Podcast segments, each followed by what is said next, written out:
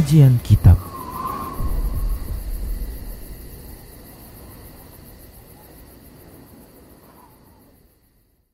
Bismillah, Assalamualaikum warahmatullahi wabarakatuh. Innal hamdalillah nahmaduhu wa nasta'inuhu wa nastaghfiruh wa na'udzu billahi min shururi anfusina wa min sayyiati a'malina. Man yahdihillah fala ومن يضلله فلا هادي له وأشهد أن لا إله إلا الله وحده لا شريك له وأشهد أن محمدا عبده ورسوله صلى الله عليه وسلم. قال الله تبارك وتعالى يا أيها الذين آمنوا اتقوا الله حق تقاته ولا تموتن إلا وأنتم مسلمون. يا أيها الناس اتقوا ربكم الذي خلقكم من نفس واحدة وخلق منها زوجها وبث منهما رجالا كثيرا ونساء واتقوا الله الذي تساءلون به والأرحام إن الله كان عليكم رقيبا يا أيها الذين آمنوا اتقوا الله وقولوا قولا سديدا يصلح لكم أعمالكم ويغفر لكم ذنوبكم ومن يطع الله ورسوله فقد فاز فوزا عظيما أما بعد. فإن أصدق الحديث كتاب الله وخير الهدى هدى رسول الله صلى الله عليه وسلم وشر الأمور محدثاتها وكل محدثة بدعة وكل bid'atin dalalah wa kulla dalalatin finnar. Para hamba Allah rahimani wa rahimakumullah. Kembali kita bersyukur kepada Allah subhanahu wa ta'ala atas semua pemberian berupa kenikmatan dan kebaikan dari Allah subhanahu wa ta'ala. Yang bila kita syukuri nikmat-nikmat tersebut maka Allah janjikan tambahan nikmat berikutnya. Selawat serta salam tak lupa kita ucapkan untuk Nabi kita Muhammad sallallahu alaihi wasallam. Semoga Allah Subhanahu wa taala memberikan taufik kepada kita agar kita berada di atas petunjuk Rasulnya. Para hamba Allah rahimani wa rahmakumullah, para pemirsa Rosa TV dan para pendengar Radio Medan Mengaji di mana saja Anda berada a'azani Allah wa iyyakum jami'a. Kita kembali melanjutkan pembahasan kitab Minhajul Muslim dalam bab akidah dan kita masih melanjutkan pembahasan tentang wali-wali Allah Subhanahu wa taala yaitu hamba-hamba pilihan Allah Subhanahu wa taala yang Allah pilih untuk beribadah dan mentaatinya yang Allah mencintai mereka dan mereka mencintai Allah Subhanahu wa taala yang mereka beriman kepada Allah Subhanahu wa taala dan segala bentuk perkara-perkara yang wajib untuk mereka imani maka mereka mengimaninya dan mereka adalah orang yang bertakwa melaksanakan semua perintah-perintah Allah Subhanahu wa taala bahkan memerintahkan manusia dengannya dan juga sekaligus mereka meninggalkan larangan-larangan Allah dan mereka pun melarang manusia darinya. Baik para hamba Allah rahimani wa para wali Allah Subhanahu wa taala, penghulu mereka adalah para rasul dan para nabi alaihi wassalam. Semoga Allah Subhanahu wa taala bersama mereka kelak di hari kiamat. Amin ya rabbal alamin. Baik, kita akan lanjutkan pembahasan penyebutan dalil-dalil dari hadis Nabi Shallallahu Alaihi Wasallam tentang wali-wali Allah dan kemuliaan-kemuliaan yang telah Allah Subhanahu Wa Taala berikan kepada mereka. Seperti contohnya hadis tentang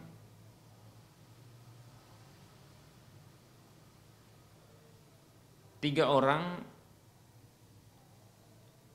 yang berlindung di gua.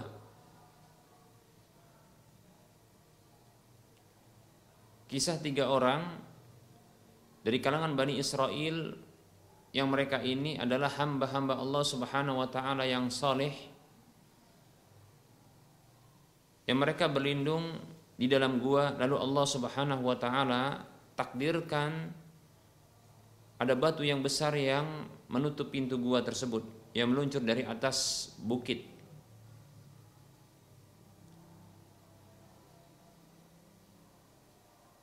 Lalu mereka berkomitmen untuk berdoa kepada Allah Subhanahu wa taala, bertawasul dengan amal-amal soleh mereka. Yang dengan itu mereka akan ditolong oleh Allah Subhanahu wa taala untuk keluar dari gua tersebut.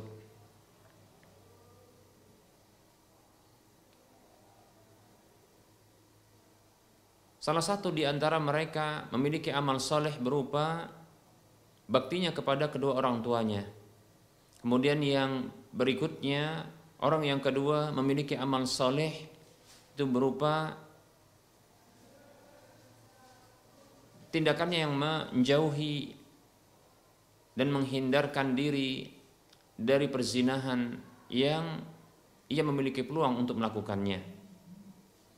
Kemudian Orang yang ketiga memiliki amal saleh berupa amanah. Amanah dan tidak serakah terhadap harta pekerjanya. Bahkan dia sempat mengembangbiakkan upah dari pekerja tersebut sehingga menjadi tumbuh kembang yang begitu banyak bahkan sampai menjadi hewan ternak yang menutupi bukit. Karena begitu banyaknya. Baik para hamba Allah rahimani warahmatullah Amal-amal soleh seperti ini yang tatkala mereka melakukannya dan tatkala mereka terjebak dalam gua maka bermunajat kepada Allah berdoa mendekatkan diri mereka kepada Allah Subhanahu wa taala. Mempasrahkan urusannya kepada Allah Subhanahu wa taala. Bahkan mereka menyebutkan bahwa bila benar ikhlas amal ibadah tersebut untuk Allah Subhanahu wa taala maka mereka meminta kepada Allah agar membukakan jalan keluar bagi mereka maka sedikit demi sedikit Allah Subhanahu wa taala buka sesuai dengan permintaan mereka. Dan orang yang terakhir berdoa dengan itu maka Allah Subhanahu wa taala membuka jalan keluar bagi mereka. Baik para hamba Allah rahimani warahmatullah. Nah, hadis ini hadis yang sahih dan masyhur.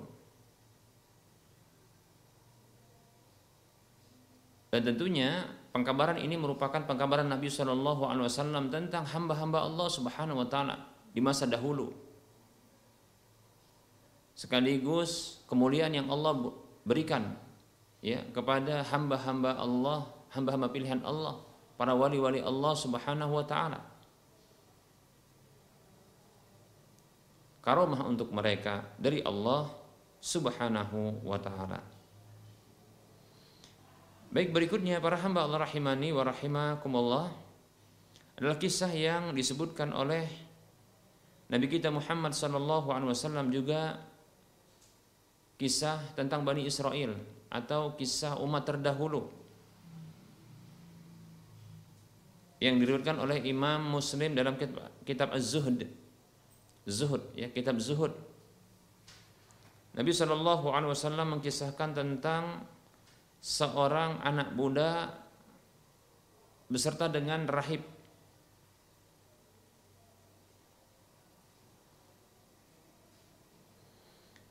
Bahwasanya pemuda tersebut adalah seorang pemuda yang dipilih asalnya adalah untuk belajar sihir. Agar bisa nantinya menggantikan tukang sihir kerajaan.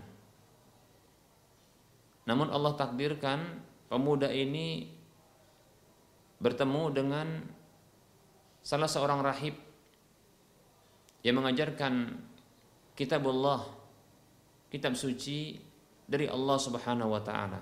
Akhirnya sang pemuda pun belajar juga wahyu dari Allah Subhanahu wa taala lewat sang rahib tersebut.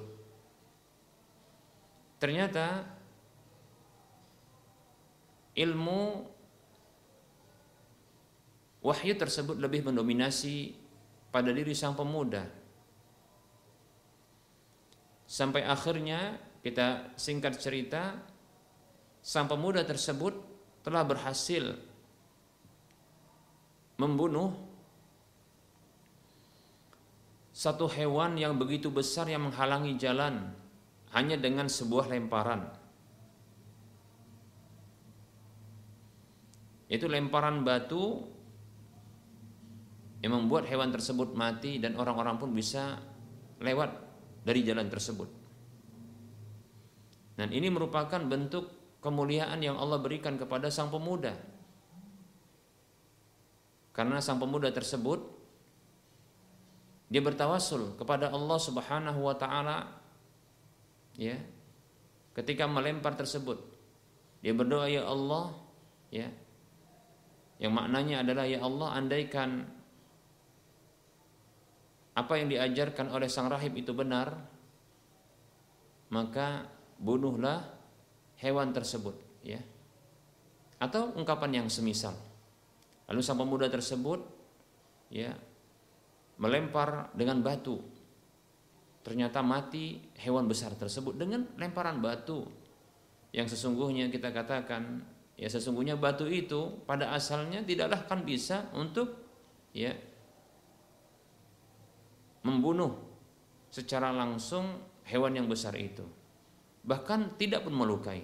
Tapi demikianlah Allah jadikan itu sebagai kejadian yang luar biasa yang terjadi pada sang pemuda itu sebagai bentuk kemuliaan. Demikian para hamba Allah rahimani wa rahimakumullah. Sang rahib pun mengakui bahwasanya sang pemuda telah sampai kepada satu kondisi derajat di mana pemuda ini telah layak ya untuk bisa mengajak manusia kepada kebenaran demikian ya karena sudah tampak kemuliaan yang telah Allah Subhanahu wa taala berikan kepada sang pemuda itu. Demikian.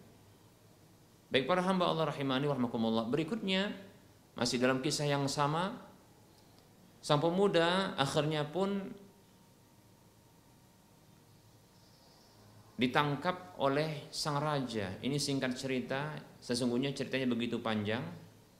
Sang pemuda ini ditangkap oleh raja karena membelot ya dari tugas yang dibebankan kerajaan agar dia mempelajari sihir dan menjadi tukang sihir ya bahkan sebaliknya malah sang pemuda tersebut ya dia mengajak manusia untuk meninggalkan penyembahan terhadap sang raja. Atau apa yang disembah oleh raja? Mengajak manusia untuk menyembah hanya kepada Allah semata. Maka sang raja berusaha untuk menangkap dan membunuh sang pemuda tersebut dengan berbagai cara setelah ditangkap maka cara yang pertama dilakukan adalah agar sang pemuda ini dilempar dari pegunungan atau pebukitan sampai ke lereng gunung sehingga dia akan nantinya dipastikan atau diprediksi akan tewas. Namun ternyata Allah selamatkan. Ya. Allah selamatkan ya dari lemparan tersebut. Demikian. Demikian pula pada kali yang kedua sang pemuda tersebut ditangkap lalu difonis hukuman untuk dilemparkan dari bahtera di lautan, di samudra.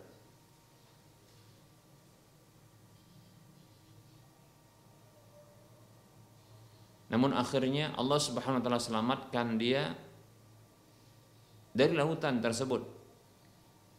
Keluar dari laut dalam kondisi berjalan. Demikian.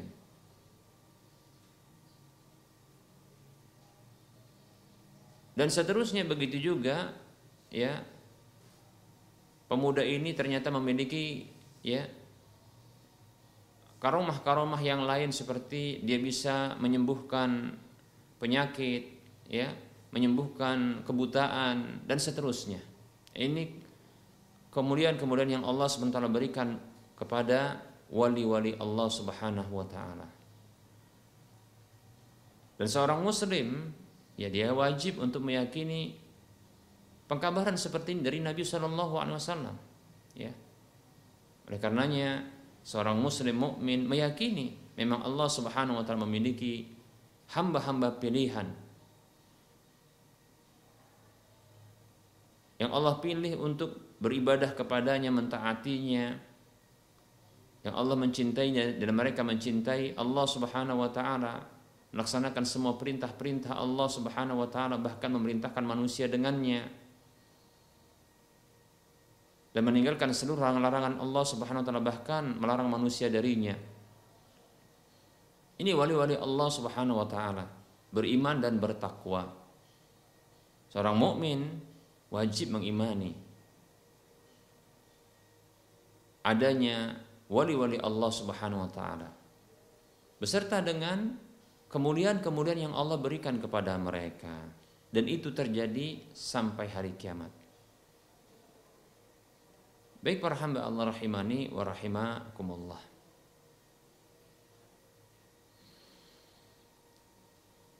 Bahkan ya kita saksikan juga bukan hanya pengkabaran dari Al-Qur'an maupun hadis Nabi Shallallahu alaihi wasallam.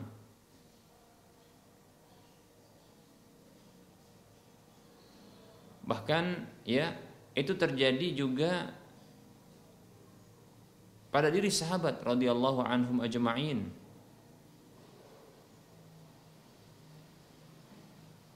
Di mana diriwayatkan bahwasanya para malaikat itu pernah mengucapkan salam untuk Imran bin Husain radhiyallahu anhu.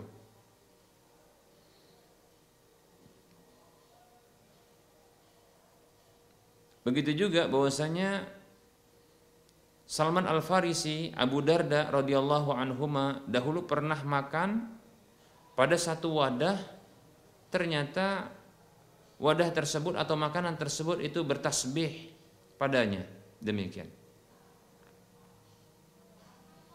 Begitu juga diriwayatkan bahwasanya Khubaib salah satu sahabat Nabi Wasallam yang mati syahid itu pernah dahulunya tertawan di sisi orang-orang musyrik di Mekah ternyata datang Allah datangkan kepada kepadanya anggur yang dia makan. Padahal ketika itu di Makkah tidak ada anggur. Ya. Itu buah-buahan yang tidak ada ya tumbuh di Makkah. Namun ternyata Khubaib radhiyallahu an mendapatkan sajian makanan berupa anggur. Ini tentunya satu hal yang begitu mengherankan. Ya ini merupakan perkara kejadian luar biasa yang terjadi pada diri sahabat radhiyallahu anhum ajma'in.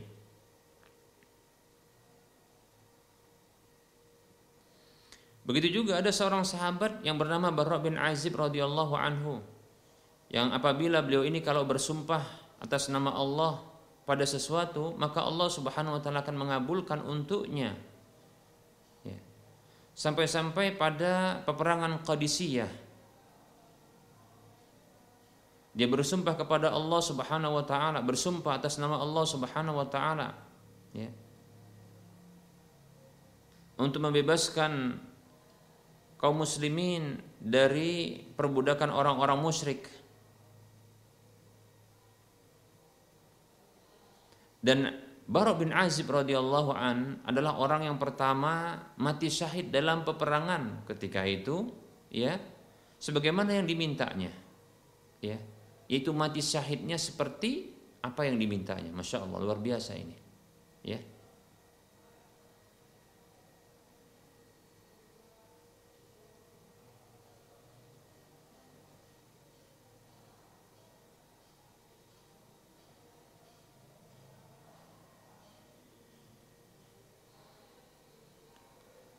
Dan Umar bin Khattab radhiyallahu an dahulu pernah berkhutbah. Ini juga kisah yang ini merupakan juga ya e, kisah tentang karomah atau kemuliaan yang Allah berikan kepada wali-wali Allah Subhanahu wa taala. Pernah berkhutbah beliau Umar bin Khattab radhiyallahu an di atas mimbar Rasulullah SAW di Madinah. Nah, ketika di mimbar itu dia mengatakan, "Ya Sariyatul Jabal, ya Sariyatul Jabal ya.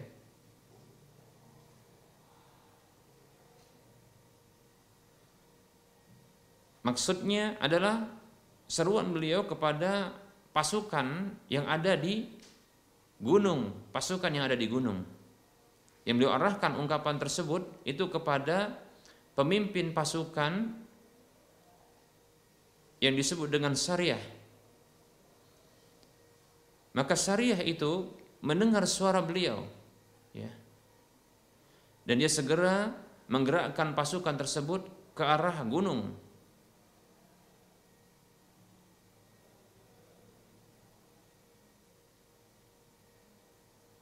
Maka ketika itu ya kemenangan mereka dan musuh pun terkalahkan.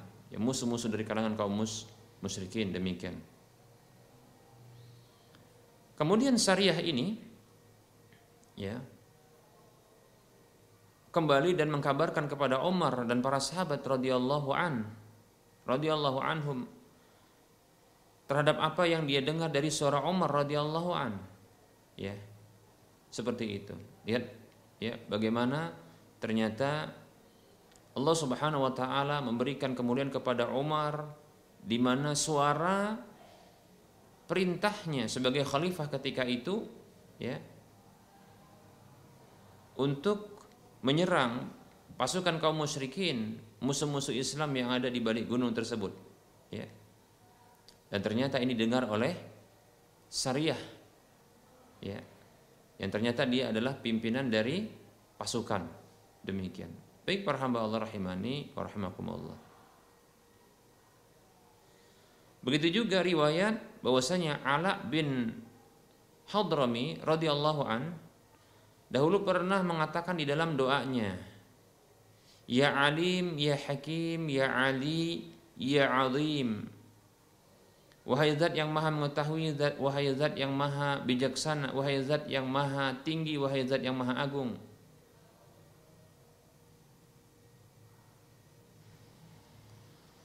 Maka dikabulkanlah permintaan Ala ibn al-Hadrami ini. Sampai pun ya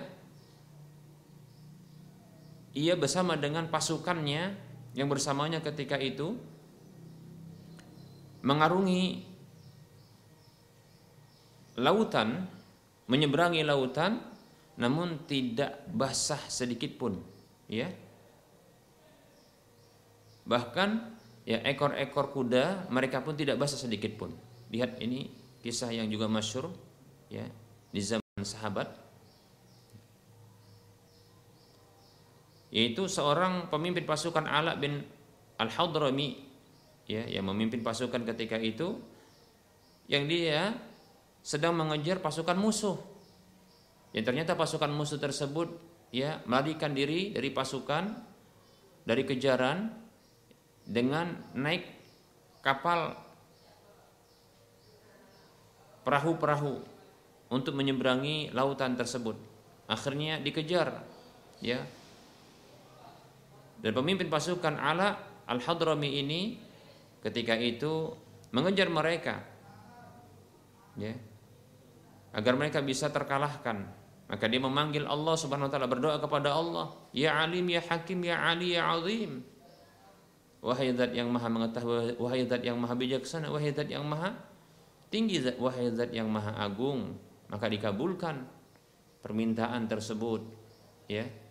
Lalu mereka ya tanpa berhenti dari kejaran tersebut mereka segera ya menggebrak tunggangan-tunggangan mereka untuk melewati lautan sehingga mereka bisa menyeberang lautan tersebut di atas air tanpa basah sedikit pun bahkan tanpa basah sedikit pun ujung-ujung dari eh,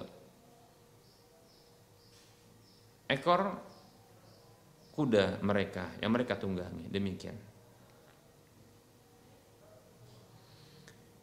Begitu juga ada kisah tabi'in yaitu Hasan Al-Basri rahimahullahu taala bahwasanya ia pernah berdoa kepada Allah Subhanahu wa taala ya untuk seorang laki-laki yang suka mengganggunya, menyakitinya. Maka seketika tewas meninggal orang tersebut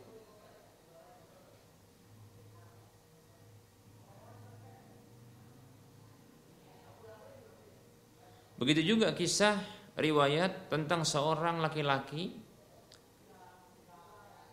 dari suku dari suku Nakhai ya Nakha yang ia memiliki keledai namun mati di jalanan dalam kondisi safarnya lalu dia berwudu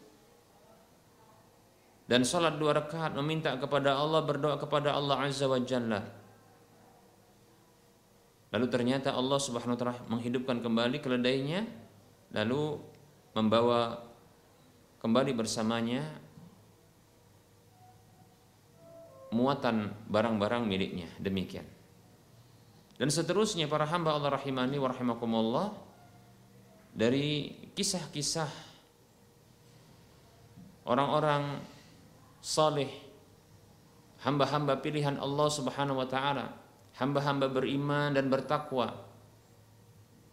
Yang mereka adalah wali-wali Allah Subhanahu wa taala. Kisah mereka bersama dengan karomah-karomah yang itu merupakan kemuliaan yang Allah berikan kepada mereka dalam kehidupan mereka. Bahkan barangkali kita dapatkan juga di zaman ini ya banyak kisah-kisah luar biasa yang terjadi yang terjadi pada wali-wali Allah Subhanahu wa taala. Hanya saja perlu kita ketahui wahai para hamba Allah rahimani warahmatullah bahwa ada perbedaan antara wali-wali Allah Subhanahu wa taala dengan manusia-manusia yang juga memiliki kejadian yang luar biasa. Sedikit kita akan menyebutkan beberapa istilah yang mudah-mudahan ini uh, menjadi pemberi pemahaman kepada kita insya Allah taala bahwasanya kejadian yang luar biasa pada diri manusia itu terbagi menjadi beberapa Mungkin yang saya sebutkan ini tidak semuanya, namun ini berdasarkan apa yang saya ingat dan saya, saya pernah pelajari. Yang pertama adalah kejadian yang luar biasa yang disebut dengan mukjizat. Dan ini terjadi hanya kepada para nabi dan rasul. Dan ini para hamba Allah rahimani wa rahimakumullah tentunya tidak bisa dimiliki oleh siapa pun setelah Nabi kita Muhammad Sallallahu Alaihi Wasallam. Yang mereka tentunya bukanlah Nabi dan Rasul karena dengan ditutupnya dengan wafatnya Nabi Sallallahu Alaihi Wasallam maka ditutuplah pintu kenabian dan kerasulan. Karena Allah Subhanahu wa taala berfirman dalam surah Al-Ahzab ayat 40 A'udzu billahi minasyaitonir rajim Ma kana Muhammadun aba ahadin min rijalikum walakin Rasulullah wa khataman nabiyyin Muhammad itu sallallahu alaihi wasallam bukanlah bapak salah seorang laki-laki di antara kalian akan tetapi dia adalah utusan Allah dan penutup para nabi. Jadi tidak ada lagi mukjizat-mukjizat yang terjadi pada diri seorang pun setelah Nabi Shallallahu Alaihi Wasallam. Berikutnya adalah kejadian-kejadian luar biasa kejadian yang luar biasa yang terjadi pada kepada para wali-wali Allah dan ini yang kita sedang bahas. Dan pembahasan kita ini lebih umum tadinya, ya, karena tercakup di dalamnya adalah mukjizat. Ya. Baik. Namun para wali Allah yang dimaksudkan di sini adalah orang-orang yang dia di orang-orang soleh yang di bawah derajat para nabi dan rasul. Seperti para para sahabat, tabiin, tabiut tabiin. Yang mereka adalah orang-orang beriman dan bertakwa. Orang-orang soleh. Demikian. Wali-wali Allah. Nah kejadian luar biasa yang telah kita sebutkan ya barusan ini inilah dia disebut dengan karomah karomah demikian baik para hamba Allah rahimani wa rahimakumullah berikutnya adalah kejadian luar biasa yang disebut dengan irhas. Irhas. Mungkin istilah ini ini hanya muncul di sebagian istilah para ulama saja. Namun tidak mengapa ini kita sebutkan untuk faedah. Nah, kejadian luar biasa ini ini terjadi pada diri orang-orang biasa. Bahkan tidak ada ya, tidak ada kelebihan sedikit pun pada manusia tersebut dari sisi keimanan dan amal solehnya.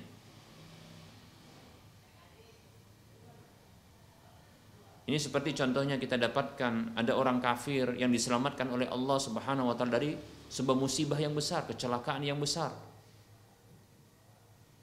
Namun Allah selamatkan. Ini terjadi bagi muslim dan kafir disebut dengan irhas kejadian luar biasa kejadian luar biasa demikian yang terjadi pada diri manusia pada umumnya. Seperti contohnya juga ketika terjadi tsunami didapatkan ada bayi-bayi yang diselamatkan oleh Allah Subhanahu wa taala. Padahal mereka tidak bisa berenang. Ya. Dan seterusnya hal-hal yang luar biasa yang terjadi pada manusia biasa yang mereka tidak ada memiliki keutamaan sedikit pun dari sisi keimanan dan ketakwaan. Itu hanya murni kebaikan Allah Subhanahu wa taala kepada para hambanya. Kemudian yang keempat, nah ini yang bahaya. Yaitu kejadian luar biasa yang Allah izinkan untuk terjadi pada diri para pelaku kesyirikan. Secara khusus hal ini bisa dipelajari yaitu sihir. Ya, disebut dengan sihir. Kejadian-kejadian luar biasa. Ada yang bisa terbang, ada yang tidak terbakar ketika terbakar, ada yang kebal ada yang sudah terbelah, terpotong dari anggota badannya namun bisa disambung kembali dan seterusnya. Ini sihir. Sebagaimana nanti akan terjadi pada diri Dajjal di mana Dajjal ini mampu membelah ya dua menjadi dua seorang hamba Allah Subhanahu wa taala yang bertakwa kemudian disatukan kembali. Nah ini luar biasa, itu sihir. Sesuai dengan pekabaran Rasulullah tentunya. Baik, nah ini sihir. Ya. Kejadian luar biasa juga. Hanya saja ini bisa diulang-ulang. Baik para hamba Allah rahimani warahmatullah, apa sih beda masing-masing dari kejadian luar biasa ini? Agar kita bisa membedakan. Pertama adalah setelah kita mengetahui ya istilah-istilah khusus dan kepada siapa ya kejadian luar biasa itu terjadi. Setelah itu kita akan mengetahui mencoba untuk mengetahui membedakan ya, membedakan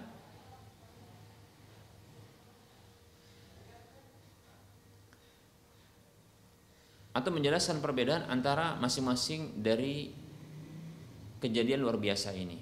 Perlu diketahui bahwasanya ada dua hal dua kejadian luar biasa yang bisa diulang-ulang dan ada dua dari empat ini dari empat yang kita sebutkan ada mukjizat ada karomah kemudian ada irhas ada sihir dari keempat hal ini maka ada dua di antaranya yang itu bisa diulang-ulang dan bisa untuk di diberlakukan sesuai dengan keinginan orang yang memilikinya. Dan ada dua pula yang tidak bisa diulang-ulang dan tidak bisa dilakukan kembali berdasarkan keinginan orang orang yang memilikinya. Orang yang terjadi kejadian luar biasa itu pada dirinya. Apa itu? Dua hal yang pertama, kejadian luar biasa yang dua kejadian luar biasa yang terjadi yang ini bisa diulang-ulang dan bisa diinginkan untuk terjadi kembali pada diri orang yang memilikinya. Yang pertama adalah mukjizat. Oleh karenanya kita dapatkan ya Nabi Musa alaihissalam yang memiliki mukjizat ular yang itu merupakan perubahan dari tongkat itu diulang-ulang ya bisa berulang demikian seperti itu begitu juga Nabi SAW bisa memperbanyak makanan begitu juga bisa memperbanyak air demikian dan seterusnya mukjizat itu bisa diulang Kemudian yang kedua sihir, ini bisa diulang-ulang. Sihir ini bisa diulang-ulang. Oleh karena kita dapatkan ada tukang sihir yang dia bisa mengulang-ulang perbuatannya, terbang berulang-ulang, ya. Keahlian yang itu berulang-ulang demikian. Dan itu melibatkan jin syaitan. Baik para hamba Allah rahimani wa rahmakumullah. Kemudian ada dua yang tidak bisa diulang-ulang. Kejadian luar biasa yang terjadi dan ini tidak bisa diulang-ulang. Apa itu? Karomah. Karomah ini tidak bisa diulang-ulang.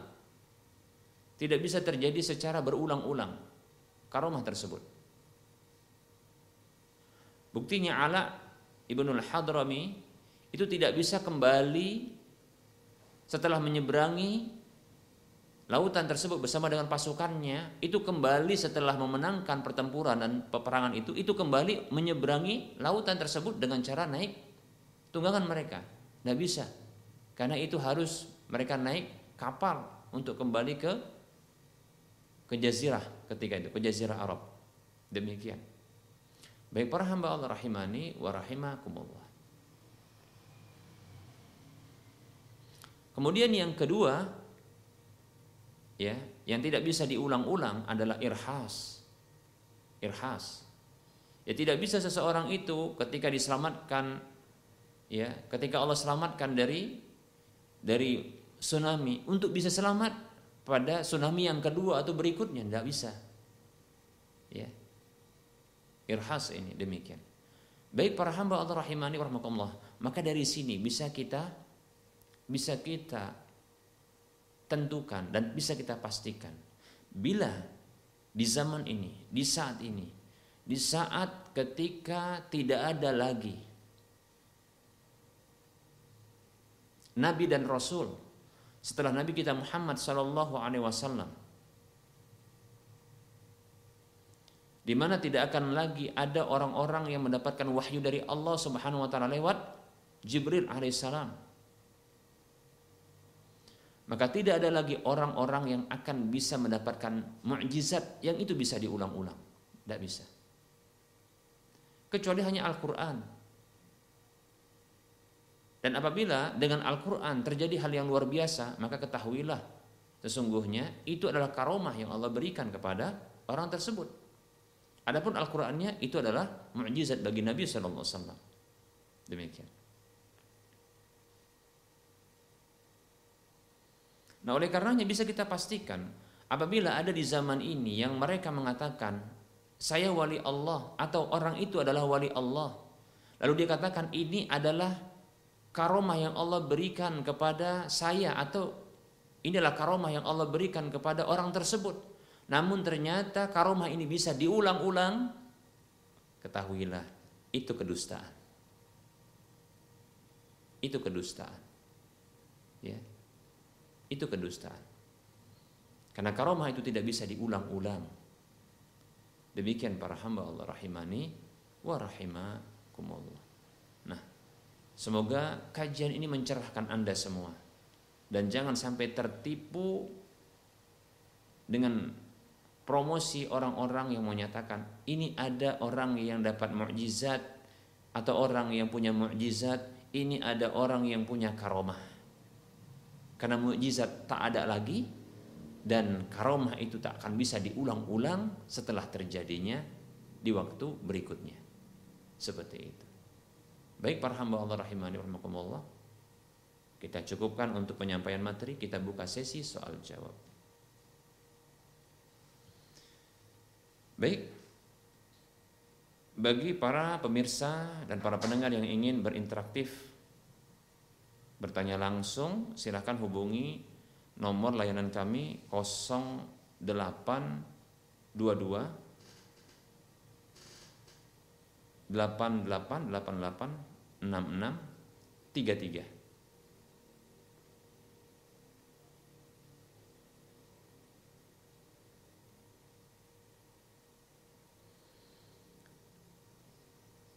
Baik, para pemirsa yang ingin bertanya dipersilahkan ya. Di nomor 0822 8888 6630 bukan 33 ya. Eh, 0822 88 88 6630 Kemudian bagi yang ingin bertanya lewat chattingan SMS atau eh, WhatsApp maka silahkan di nomor layanan kami ini yang sama nomor yang sama. Kemudian bisa juga di nomor layan kami yang lain 0852 6190 4177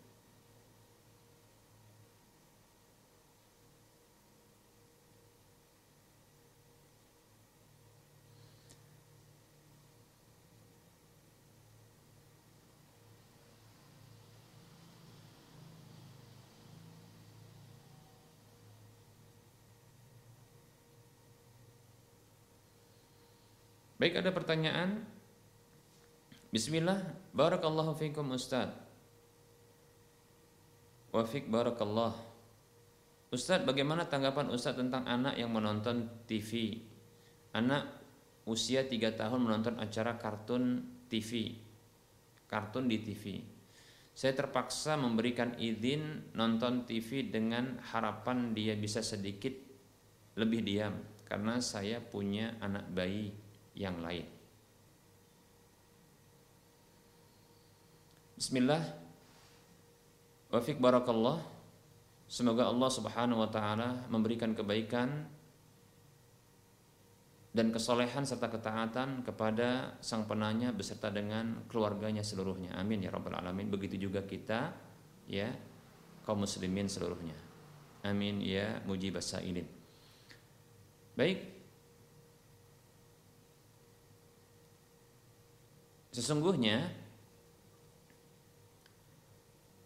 hal ini harus dirinci ya. Jika anak tersebut seorang anak dia belum kenal kartun ya, belum kenal kartun, itu film-film kartun, maka sebaiknya dia dihindarkan dari film-film kartun tersebut. Saya lebih condong untuk diberikan sajian video-video dokumenter tentang alam ya. Tentang binatang ya pendidikan ya. Yang sifatnya adanya kasih sayang antar binatang tersebut ya. Ya film-film dokumenter tentang alam. Nah ini lebih utama ya. Yang mereka insya Allah taala juga senang ya. Bahkan lebih-lebih apabila ada ya Bersamaan dengan itu, ya, itu disertakan dengan murotal Al-Qur'an. Jadi dokumenter alam, film dokumenter alam itu disertakan dengan adanya murotal Al-Qur'an yang diperdengarkan kepadanya. sambil dia e, melihat kemudian sambil menonton dia mendengar. Walaupun dalam masalah ini ada perbedaan pendapat di kalangan para ulama, saya condong kepada bolehnya. Bahkan barangkali saat ini ini menjadi solusi. Karena begitunya begitu banyaknya tontonan-tontonan, ya demikian. Baik, ya ini yang pertama. Nah, apabila ini rincian pertama. Rincian yang kedua, apabila anak tersebut sudah terkena atau sudah e, terbiasa dengan menonton televisi ya karena mungkin barangkali di rumah ada televisi atau barangkali ya e, tempat tetangga ada e, televisi atau mungkin barangkali di tempat neneknya atau kakeknya itu ada televisi kalau ke sana selalu nonton televisi maka yang dilakukan adalah yang dilakukan adalah taqlilul mudarrah yaitu meminimalisir mudarat.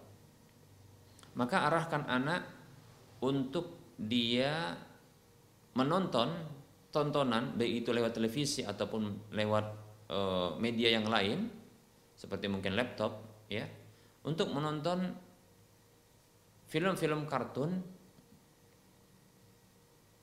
yang muatannya islami 100% islami ya. Seperti contohnya adalah film kartun tentang akhlak Islam ya akhlak Islam dan tentunya dihindarkan film-film kartun yang mengajarkan kemesuman yang pertama sekali adalah yang mencontohkan, meneladankan tentang kekufuran dan kesyirikan. Contohnya seperti kalau yang kesyirikan adalah kemampuan ya e, dari tokoh kartun tersebut yang bisa menghadirkan kekuatan ya. Yang ini kekuatan hanya Allah yang mampu untuk melakukannya. Merubah ya ketika itu kehidupan menjadi e, buruk menjadi baik, baik atau menjadi buruk demikian. Begitu juga contohnya seperti jimat-jimat, cincin yang bisa memberikan kekuatan, ya, kalung yang bisa memberikan kekuatan, tongkat yang bisa memberikan kekuatan dan seterusnya. Nah, ini mengandung kesyirikan. Yang mengandung kekufuran contohnya adalah seperti ya sebagian film-film atau kartun yang mereka yang di dalamnya terdapat penuhanan kepada selain Allah.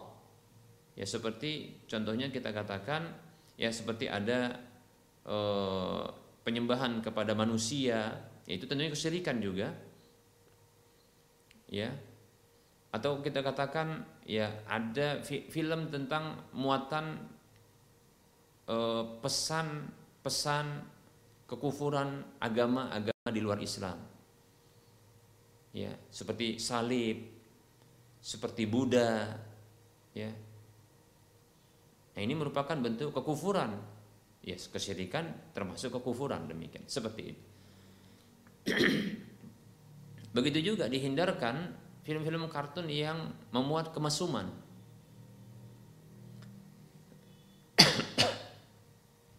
Seksualitas membuka aurat serampangan. Nah ini akan dicontoh oleh anak-anak tentunya ya. Begitu juga kekerasan seperti contohnya perkelahian, ya, pertarungan seperti itu. Ini dihindarkan. seperti itu ya. Maka yang bisa disajikan seperti contohnya ya film kartun tentang e, mobil ya atau contohnya menyusun e,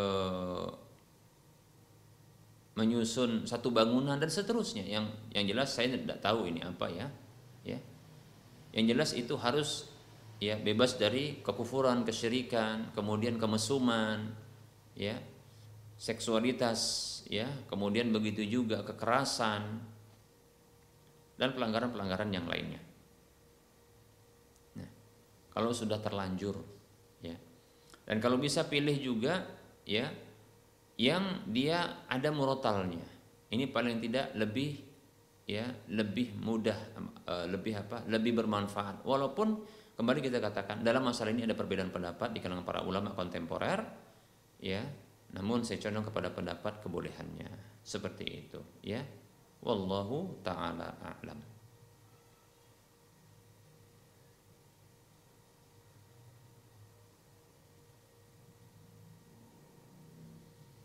Pertanyaan yang kedua, Assalamualaikum warahmatullahi wabarakatuh. Semoga Allah senantiasa menjaga Ustaz dan keluarga beserta seluruh kaum mukminin. Amin ya rabbal alamin.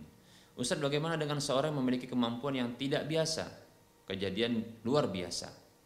Bisa tiba di satu tempat dengan sekejap dan berpenampilan alim, kemampuannya bermacam-macam sehingga orang menganggap itu karomah padahal eh, bagaimana tanggapan Ustaz? Sementara dalam kajian Ustaz sampaikan bahwa karomah itu tidak bisa diulang. Jazakallahu khairan.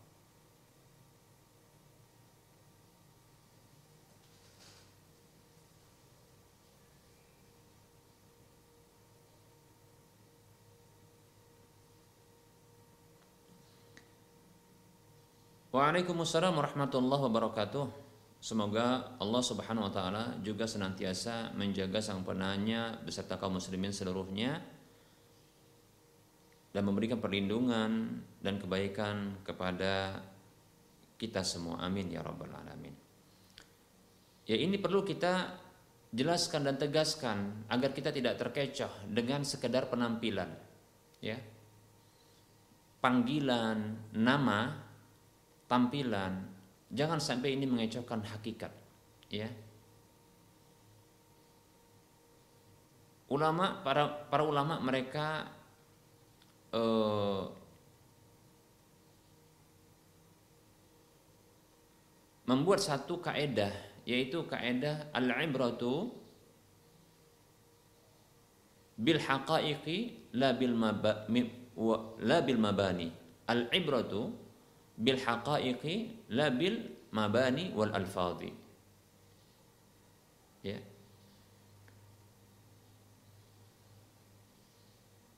Hakikat eh, yang menjadi standar itu adalah hakikatnya. Bukanlah dia tampilan juga bukan nama-nama. Demikian.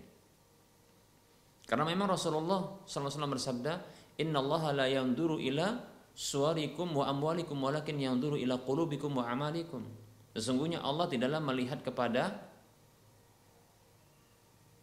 bentuk-bentuk fisik kalian, begitu juga harta-harta kalian. Namun Allah melihat kepada hati-hati kalian yaitu keimanan kalian dan amal-amal kalian yaitu ketakwaan. Nah, seperti itu. Oleh karenanya kita tinggal lihat saja. Ya. Apakah amal-amalnya itu sesuai dengan petunjuk Allah dan Rasulnya? Tinggal demikian. Adapun tampilan jangan terkecoh. Karena sesungguhnya sekarang para dukun ya, sesungguhnya saat ini para dukun ya, para uh, tukang sihir ya, tukang ramal, mereka berpenampilan dengan penampilan orang-orang soleh. Kalaulah mereka saat ini berpenampilan seperti model dahulu para dukun, tukang ramal, tukang sihir seperti dahulu, pakai belangkon, rambut panjang, kumis tebal, begitu ya, kumuh, maka ini orang nggak tertarik lagi, ya, nggak tertarik. Maka supaya laris dagangannya mereka berpenampilan dengan tampilan yang begitu menarik, supaya orang tertarik demikian. Tapi jangan terkecoh dengan tampilan, ya. Tapi lihat kepada hakikatnya, ya, iman dan amalnya. Apakah mereka sholat berjamaah di masjid? Nah, gitu. Apakah mereka orang-orang yang menjauhkan diri dari kesyirikan, kekufuran? Apakah mereka juga berbuat baik kepada sesama dan seterusnya dari ya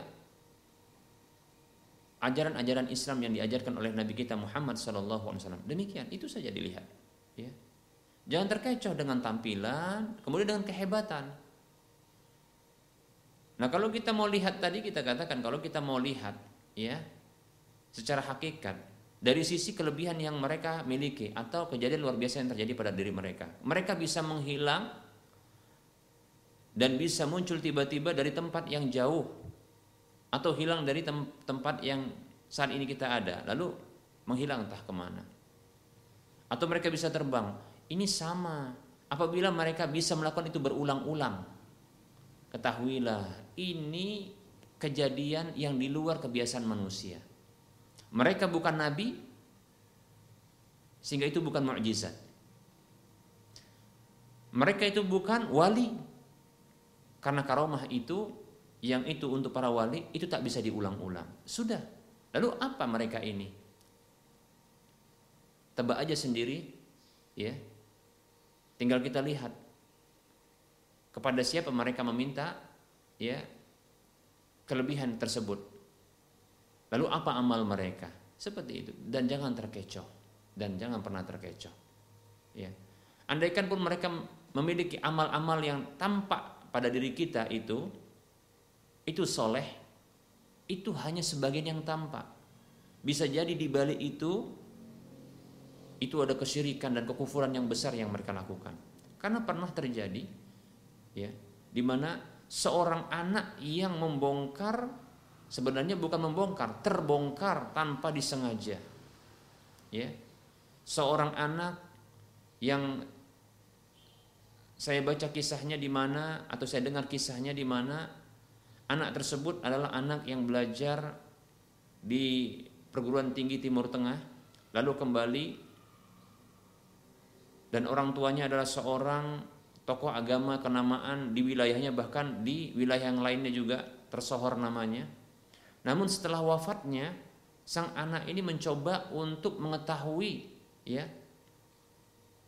satu tempat rahasia yang ini tidak diizinkan selama hidupnya sang ayah ini itu mengizinkan keluarganya bahkan istrinya dan anak-anaknya untuk masuk ke tempat tersebut lalu dia karena tidak ada penghalang untuk bisa masuk ke dalamnya maka dia masuk melihat. Apakah ada satu yang yang dirahasiakan oleh ayahnya ini yang merupakan tokoh agama? Maka dia melihat ke kamar. Tidak ada satu yang aneh di kamar tersebut. Lalu dia masuk ke WC, ternyata didapatkan di WC tersebut dia dapatkan tempat berpijak kaki untuk nongkrong buang air besar itu itu adalah pijakannya Al-Qur'an. Nauzubillah min dzalik. Lihat itu. Mushaf Quran yang jadikan sebagai pijakan ketika nongkrong buang air besar. Masya Allah. Seperti itu. Ini terjadi kisah seperti ini. Betul dia selama hidupnya ayahnya ini memiliki kehebatan yang luar biasa. Ternyata demikian. Oleh karenanya jangan tertipu, jangan tertipu. Ya. Wallahu taala alam. Cirinya gampang sekali, ya. Kalau mukjizat maka ini tak akan pernah ada setelah Nabi SAW terjadi bagi orang per orang tertentu. Kemudian yang kedua, kalau itu adalah karomah, maka itu hanya terjadi sekali tidak berulang-ulang. Seperti itu. Sisanya adalah kejadian luar biasa pada diri manusia biasa dan itu juga tak bisa berulang. Kemudian tersisa satu, yaitu sihir. Wallahu taala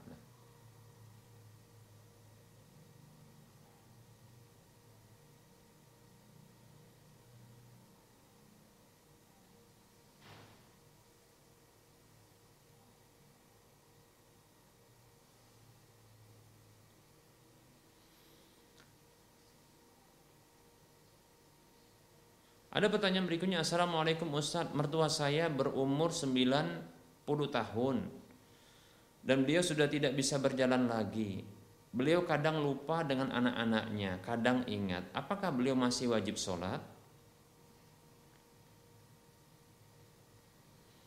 Waalaikumsalam warahmatullahi wabarakatuh Apabila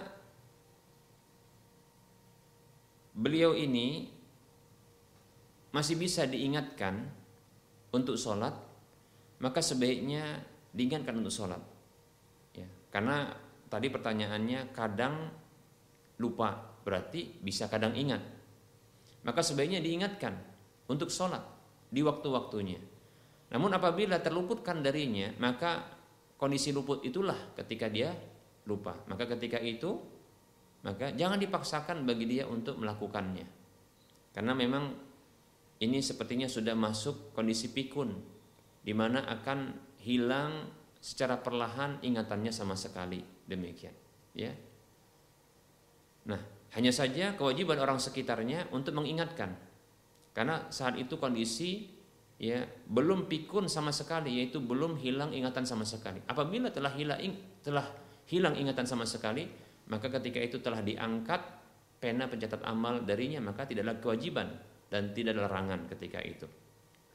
Hanya saja ya dicegah ya ketika melakukan pelanggaran-pelanggaran dan dosa begitu juga diingatkan melakukan kebaikan. Seperti itu ya. Adapun kewajiban untuk sholat maka ketika ingatnya masih ada sehingga perlunya di sini untuk diingatkan di waktu-waktunya. Demikian. Nabi SAW bersabda rufi al qalamu an salasin. Diangkat pena pencatat dari pencatat amal diangkat pena pencatat amal dari tiga jenis orang anin naimi hatta yastayqidh dari orang tidur sampai bangun. Wa anil wa anil sabi hatta yahtalima. Dari anak kecil sampai balik. Wa anil majnuni hatta yafiqa. Dari orang gila sampai dia sadar siuman. Demikian. Baik ya. Jadi ini terkait dengan apa? Akal. Ya. Nah kalau sudah lupa sudah. Ya. Tapi kalau masih lupa terkadang ingat maka diingatkan saja. Ya diingatkan saja di waktu-waktu sholat. Demikian Adapun ketika tidak melakukannya, maka ketika itu dia lupa. Maka jangan dipaksa untuk melakukan, ya. Demikian. Wallahu taala alam. Baik. Ada pertanyaan lewat? Tidak ada. Baik. E, sepertinya pun sudah mendekati waktu sholat zuhur untuk wilayah Medan dan sekitarnya. Barangkali kita tutup saja kajian kita pada pertemuan kali ini. Mohon maaf atas segala kekurangan dan kesalahan. Itu semua dari saya pribadi dimisikan syaitan. Kepada Allah saya mohon ampun dan kepada para pemirsa dan para pendengar sekalian saya mohon maaf. Kebenaran itu datang dari Allah maka ambillah kesalahan itu datang dari dari saya pribadi dan dimisikan syaitan maka tinggalkanlah. Sebelum kita menutup perjumpaan kita kali ini kita ingatkan seperti biasa mari kita berdonasi. Saya ingatkan untuk kita menyisihkan sebagian harta kita agar kita bisa memiliki aset akhirat kita di mana akan mengalir pahala kepada kita walaupun setelah kita wafat. Mari kita donasikan harta kita untuk membebaskan lahan yang nantinya akan dibangun di atas lahan tersebut Masjid Al-Muwahhidin untuk wilayah Medan dan sekitarnya. Dan kita masih membutuhkan dana sekitar 4,3 miliar karena total dari dana yang dibutuhkan adalah 8,5 miliar, 8,5 miliar. Salurkan infak dan sedekah Anda yang nanti akan menjadi aset akhirat Anda ke Bank Syariah Mandiri atau Bank Syariah Indonesia di nomor 7127485555. Di Bank Syariah Mandiri atau Bank Syariah Indonesia di nomor 712748 5555 atas nama Yayasan Lajana Dakwah Medan kode bank 451 semoga bermanfaat. Mohon maaf atas segala kekhilafan dan kesalahan. Kita bertemu kembali di lain kesempatan. Wassalamualaikum Muhammad wa ala alihi bihamdika asyhadu an la illa anta astaghfiruka wa atubu walhamdulillahi rabbil alamin. Wassalamualaikum warahmatullahi wabarakatuh.